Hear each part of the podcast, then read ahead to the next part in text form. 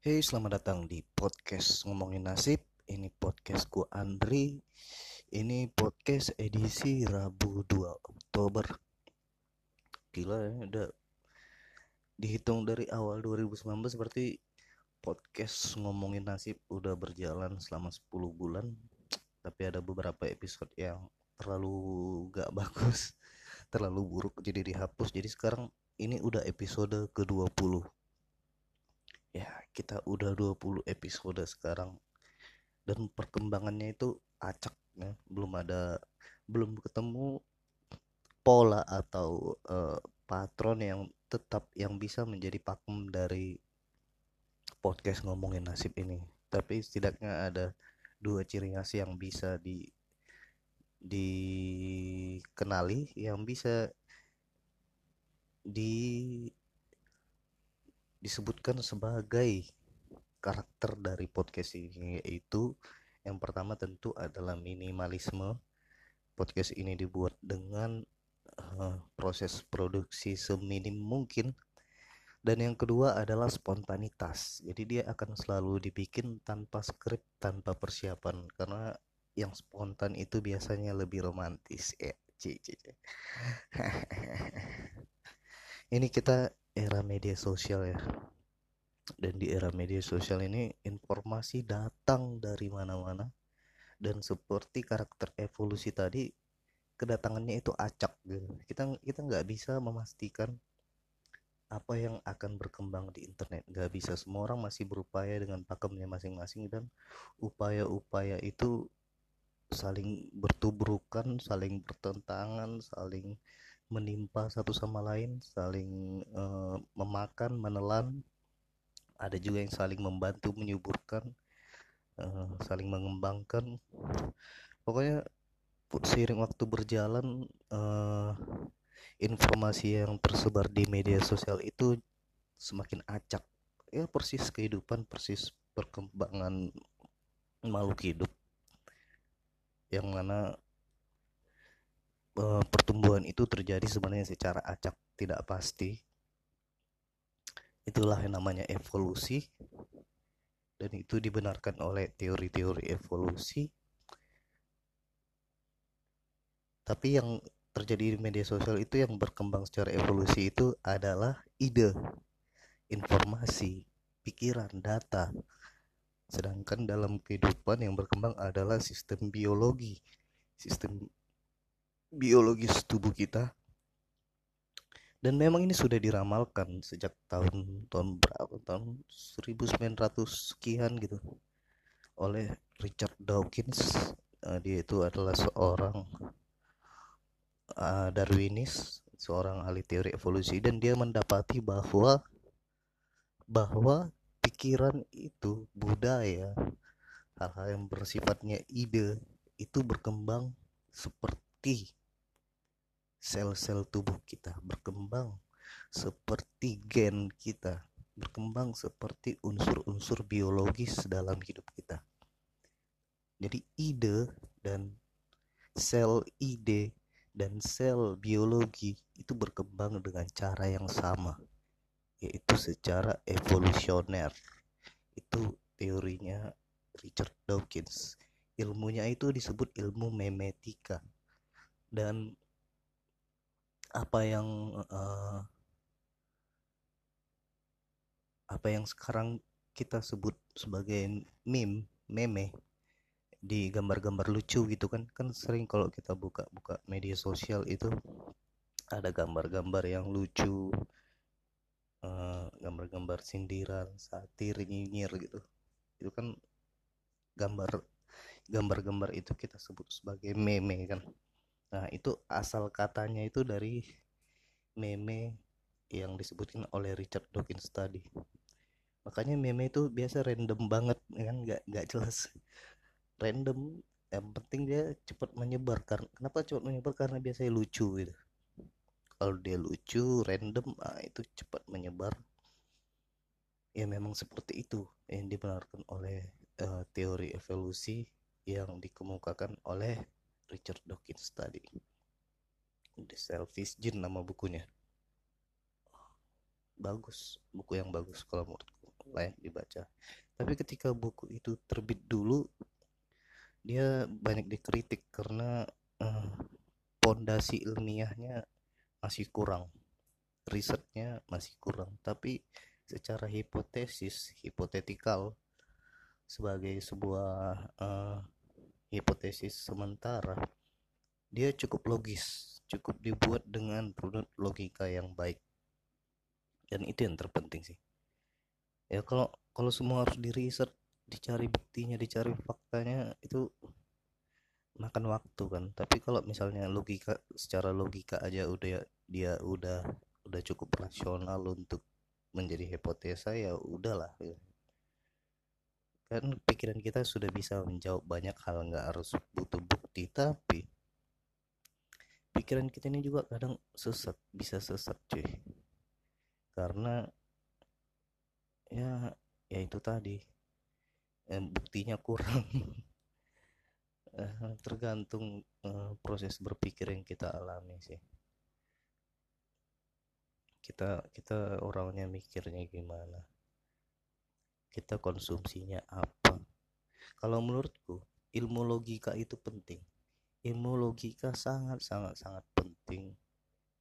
Karena kebenaran itu rentan mengalami distorsi mengalami gangguan yang merusak eksistensinya yang merusak eh, kebenaran asalinya gitu. Terdistorsi dia uh, gimana ya apa ya bahasanya? Pokoknya dia terganggu gitu. Kebenaran terganggu terdistorsi. Nah logika kita rentan kayak gitu. Rentan terdistorsi apalagi di media sosial ini. Di era media sosial. Kebenaran sangat rentan terdistorsi mengingat sumbernya itu banyak dan banyak orang menyebarkan sesuatu di media sosial tanpa pertimbangan logi, logis gitu tanpa pertimbangan pikiran. Yang penting disebar aja. Mungkin biar eksis mungkin juga demi cari duit. Jadi media sosial itu sebenarnya banyak digunakan untuk sarana cari duit oleh banyak orang. Jadi kita nggak boleh percaya gitu aja cuy. Kita jangan percaya gitu aja sama apa pun yang tersebar di media sosial. Karena banyak yang menggunakannya untuk cari duit. Mungkin dibayar oleh politikus mungkin juga uh, dibayar oleh teroris. Bus ya bisa jadi teroris. Mungkin bukan terorisnya langsung terorisnya membayar si A si A membayar ke si B si B membayar ke si C si C membayar si D. Terus si D memposting sesuatu yang sifatnya sebenarnya dalam jangka panjang bisa merusak gitu. Jadi kita harus hmm, lebih kritis lah memandang apa pun yang tersebar di media sosial dan media sosial itu datangnya ke kita itu langsung. Bangun tidur langsung ngecek handphone. Dan kita langsung terpapar. Pikiran kita langsung terisi oleh apa pun yang ada di sana. Dan yang ada di sana belum tentu benar. Jadi kita udah digoda udah di ditarik dan dibawa masuk ke alam yang kebenaran yang nggak pasti tadi kita udah didistorsi udah diganggu. Kalau dalam filsafat ya ada yang namanya Baudrillard dia bilang kita ini sekarang udah masuk di era era hiperrealitas. Memang ini bukan terkait media sosial doang ya. Ini dia bicara filsafat menyeluruh umum gitu. Tapi sangat sangat bisa kita lihat praktiknya di era media sosial. Jadi dikatakan uh, dikatakan kita ini sekarang sudah berada di level hiperrealitas. Jadi kita menganggap realita itu tidak lagi sesuai dengan realita yang sebenarnya dan itu tetap realita gitu. Kenyataan itu tidak lagi kenyataan yang sebenarnya dan kenyataan yang sudah bercampur gitu antara ide dan materi dan kita menyebutnya kenyataan dia nah, alam berpikir itu dia menyebutnya simulakra. Jadi media sosial itu sebuah simulakra. Dan kita sudah menganggapnya sebagai kenyataan aja udah gitu. Kita udah menerimanya simulakra itu tadi sebagai sebuah kenyataan. Hiperrealita itu realita yang berlebihan itu sudah kita anggap sebagai realita yang sebenarnya. Persepsi kita udah kayak gitu udah udah ya udah inilah realitanya gitu. Simulakra nah kita posisi kita gimana? Apakah kita harus menerima begitu saja simulakra itu tadi?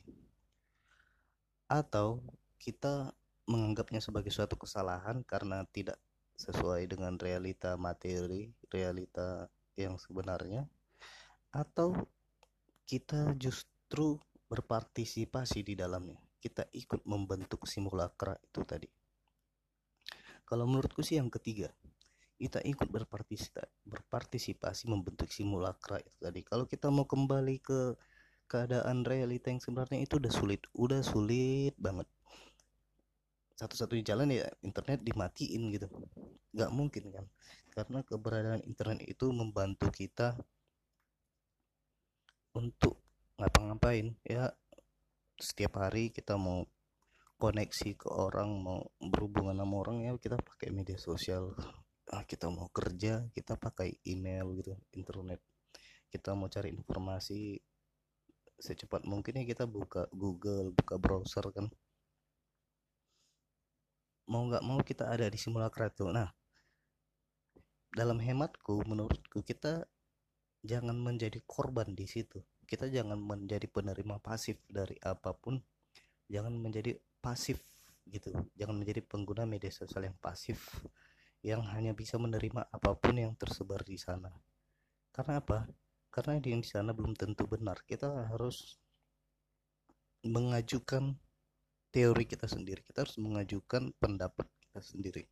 Terus mengajukan subjektivitas kita sendiri juga di dalamnya sehingga kita ikut berpartisipasi dan uh, kita nggak kehilangan jati diri kita. Kita tunjukkan kita punya dasar dan kita lempar ke dalam simulakra media sosial simulakra internet tadi itu. Kita tunjukkan siapa kita. Kita berpartisipasi kita berproses bersama dengan apa pun yang ada di sana. Jadi kepentingan kita pribadi juga ikut terakomodir. Ya, ikut diproses di dalam simulakra itu tadi. Jadi kita nggak jadi korban tapi kita turut menjadi pelaku atas apa pun nanti dampak dari masa depan internet ini. Karena nggak ada yang bisa memperkirakan cuy. Nggak ada yang bisa memperkirakan seperti apa masa depan internet. Mau Bill Gates sekalipun yang katanya paling jenius yang berhasil meraih duit banyak banget dari dari perkembangan internet, media sosial, komputer atau mungkin bos Amazon itu dia gak bisa memperkirakan. Bahkan dunia bisnis internet juga kan itu kejar-kejaran. Semua orang punya teorinya masing-masing yang saling menikung saling uh, saling ya kayak hukum rimba sih. Bisnis internet itu sekarang kayak hukum rimba. Dan yang menjadi korban adalah orang-orang yang tidak berpartisipasi dalam hukum rimba itu tetapi ada di situ gitu. Pengguna media sosial yang pasif yang bisa menerima aja. Nah kita jangan mau gitu sih kalau menurutku kita harus mengajukan agenda kita sendiri kepentingan kita sendiri di era internet ini apa. Kita harus memperjuangkannya kukuh terhadapnya mengadvokasi apa hal-hal yang hilang dari diri kita yang sebelumnya ada tapi jadi nggak ada karena internet itu harus kita rebut kembali raih kembali. Jadi butuh butuh perjuangan cuy. Mau nggak mau kita harus berjuang di era internet ini di era media sosial ini supaya kita nggak jadi korban belaka. Kalau pandanganku sih kayak gitu. Cuman berjuangnya memang nggak fighting kayak kayak berjuang politik. Ya kayak misalnya ini unjuk rasa gitu. Nggak nggak nggak harus kayak gitu ya. Kita cukup cukup menetapkan nilai-nilai moral kita dalam bermedsos. Jadi menurutku menurut hematku itu medsos yang baik itu adalah medsos yang punya nilai moral. Ada moral yang diusungnya yang dipertahankan yang disebarnya yang diusungnya lewat postingan-postingan gitu. Setiap postingan kita di media sosial sebaiknya punya nilai moral. Karena memang yang mengkonsumsi itu nanti manusia lain juga kan jadi hubungan sesama manusia kan sebaiknya punya landasan moral landasan moral ini yaitu tadi acak masih di era internet ini. Dan akan selalu acak sih. Nggak nggak mungkin ada ketetapan yang baku bagaimana berproses di media sosial. Kayak pemerintah juga hanya bisa membatasi membuat restriksi melalui internet positif tentang bagaimana baiknya kita berinternet selebihnya itu kontrolnya di kita sendiri. Dan yang paling jahat sih sebenarnya dari pebisnis internet yang masalah moral ini mereka itu bisa jadi bisa aja menjual data pribadi kita ketika kita mereka nyuruh kita ngisi sign up gitu. Sign up mengisi formulir data diri pribadi itu sangat bisa dijual. Jadi kita jangan sembarangan sign up ke situs-situs situs apa pun itu bahkan situs yang terpercaya jangan sembarangan kecuali penting banget ya mungkin kayaknya nggak usah. Gak usah banyak-banyak sign up gak usah banyak-banyak menyebar data pribadi kita karena itu bisa disalahgunakan. Misalnya orang membobol bank dengan nama kita karena mereka sudah tahu data pribadi kita mereka minjam uang misalnya banyak gitu pakai akun dengan atas nama kita padahal kita nggak tahu itu bisa jadi jadi kita harus punya ketetapan ketetapan moral sih. Jangan jadi orang yang pasif di media sosial tanpa ketetapan moral. Jangan cuma terima-terima aja karena ada yang di sana apa yang ada di sana belum tentu benar. Dan ingat media sosial itu tools internet itu tools alat. Jangan jadi itu yang menentukan kehidupan kita kan. Kehidupan kita itu masih ada masih real loh masih eksis di dunia nyata. Nggak semuanya hidup itu ada di media sosial. Nah, gimana caranya supaya media sosial itu nggak menelan kita? Itu pertanyaan pertanyaannya. Bagaimana kehidupan kita lah yang memanfaatkan media sosial, bukan media sosial yang memanfaatkan kehidupan kita. Caranya itu tadi, kita harus punya ketetapan moral. Itu bisa membentuk karakter kita di internet dan juga bisa menjadi saringan supaya kita nggak terima semuanya yang ada di sana. Kayak sekarang orang berlomba mengejar kemewahan yang santai. Orang memosting bikin postingan orang pebisnis itu kita lihat di media sosial mereka nyantai tapi duitnya banyak. Itu nggak benar cuy nggak benar. Kita tahu kita tahu seumur hidup kita bahwa kalau kita mau kaya mau punya duit kita harus berusaha harus bekerja keras. Nggak mungkin orang nyantai-nyantai bisa kaya gitu aja. Itu nggak mungkin. Contohnya kayak gitu. Kalau kita hanya percaya yang terlihat di media sosial ya kita jadinya pemalas jatuhnya dan kita nggak akan bisa mencapai titik kesejahteraan yang kita dambakan.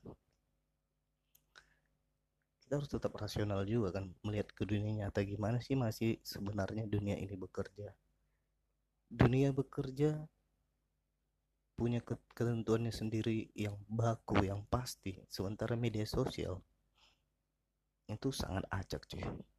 Sangat acak. Bahkan saking banyaknya informasi yang ada di sana evolusinya itu jauh lebih cepat dari evolusi dunia nyata. Jadi sebenarnya kegilaan yang ditawarkan media sosial itu kegilaan tapi bukan berarti itu salah.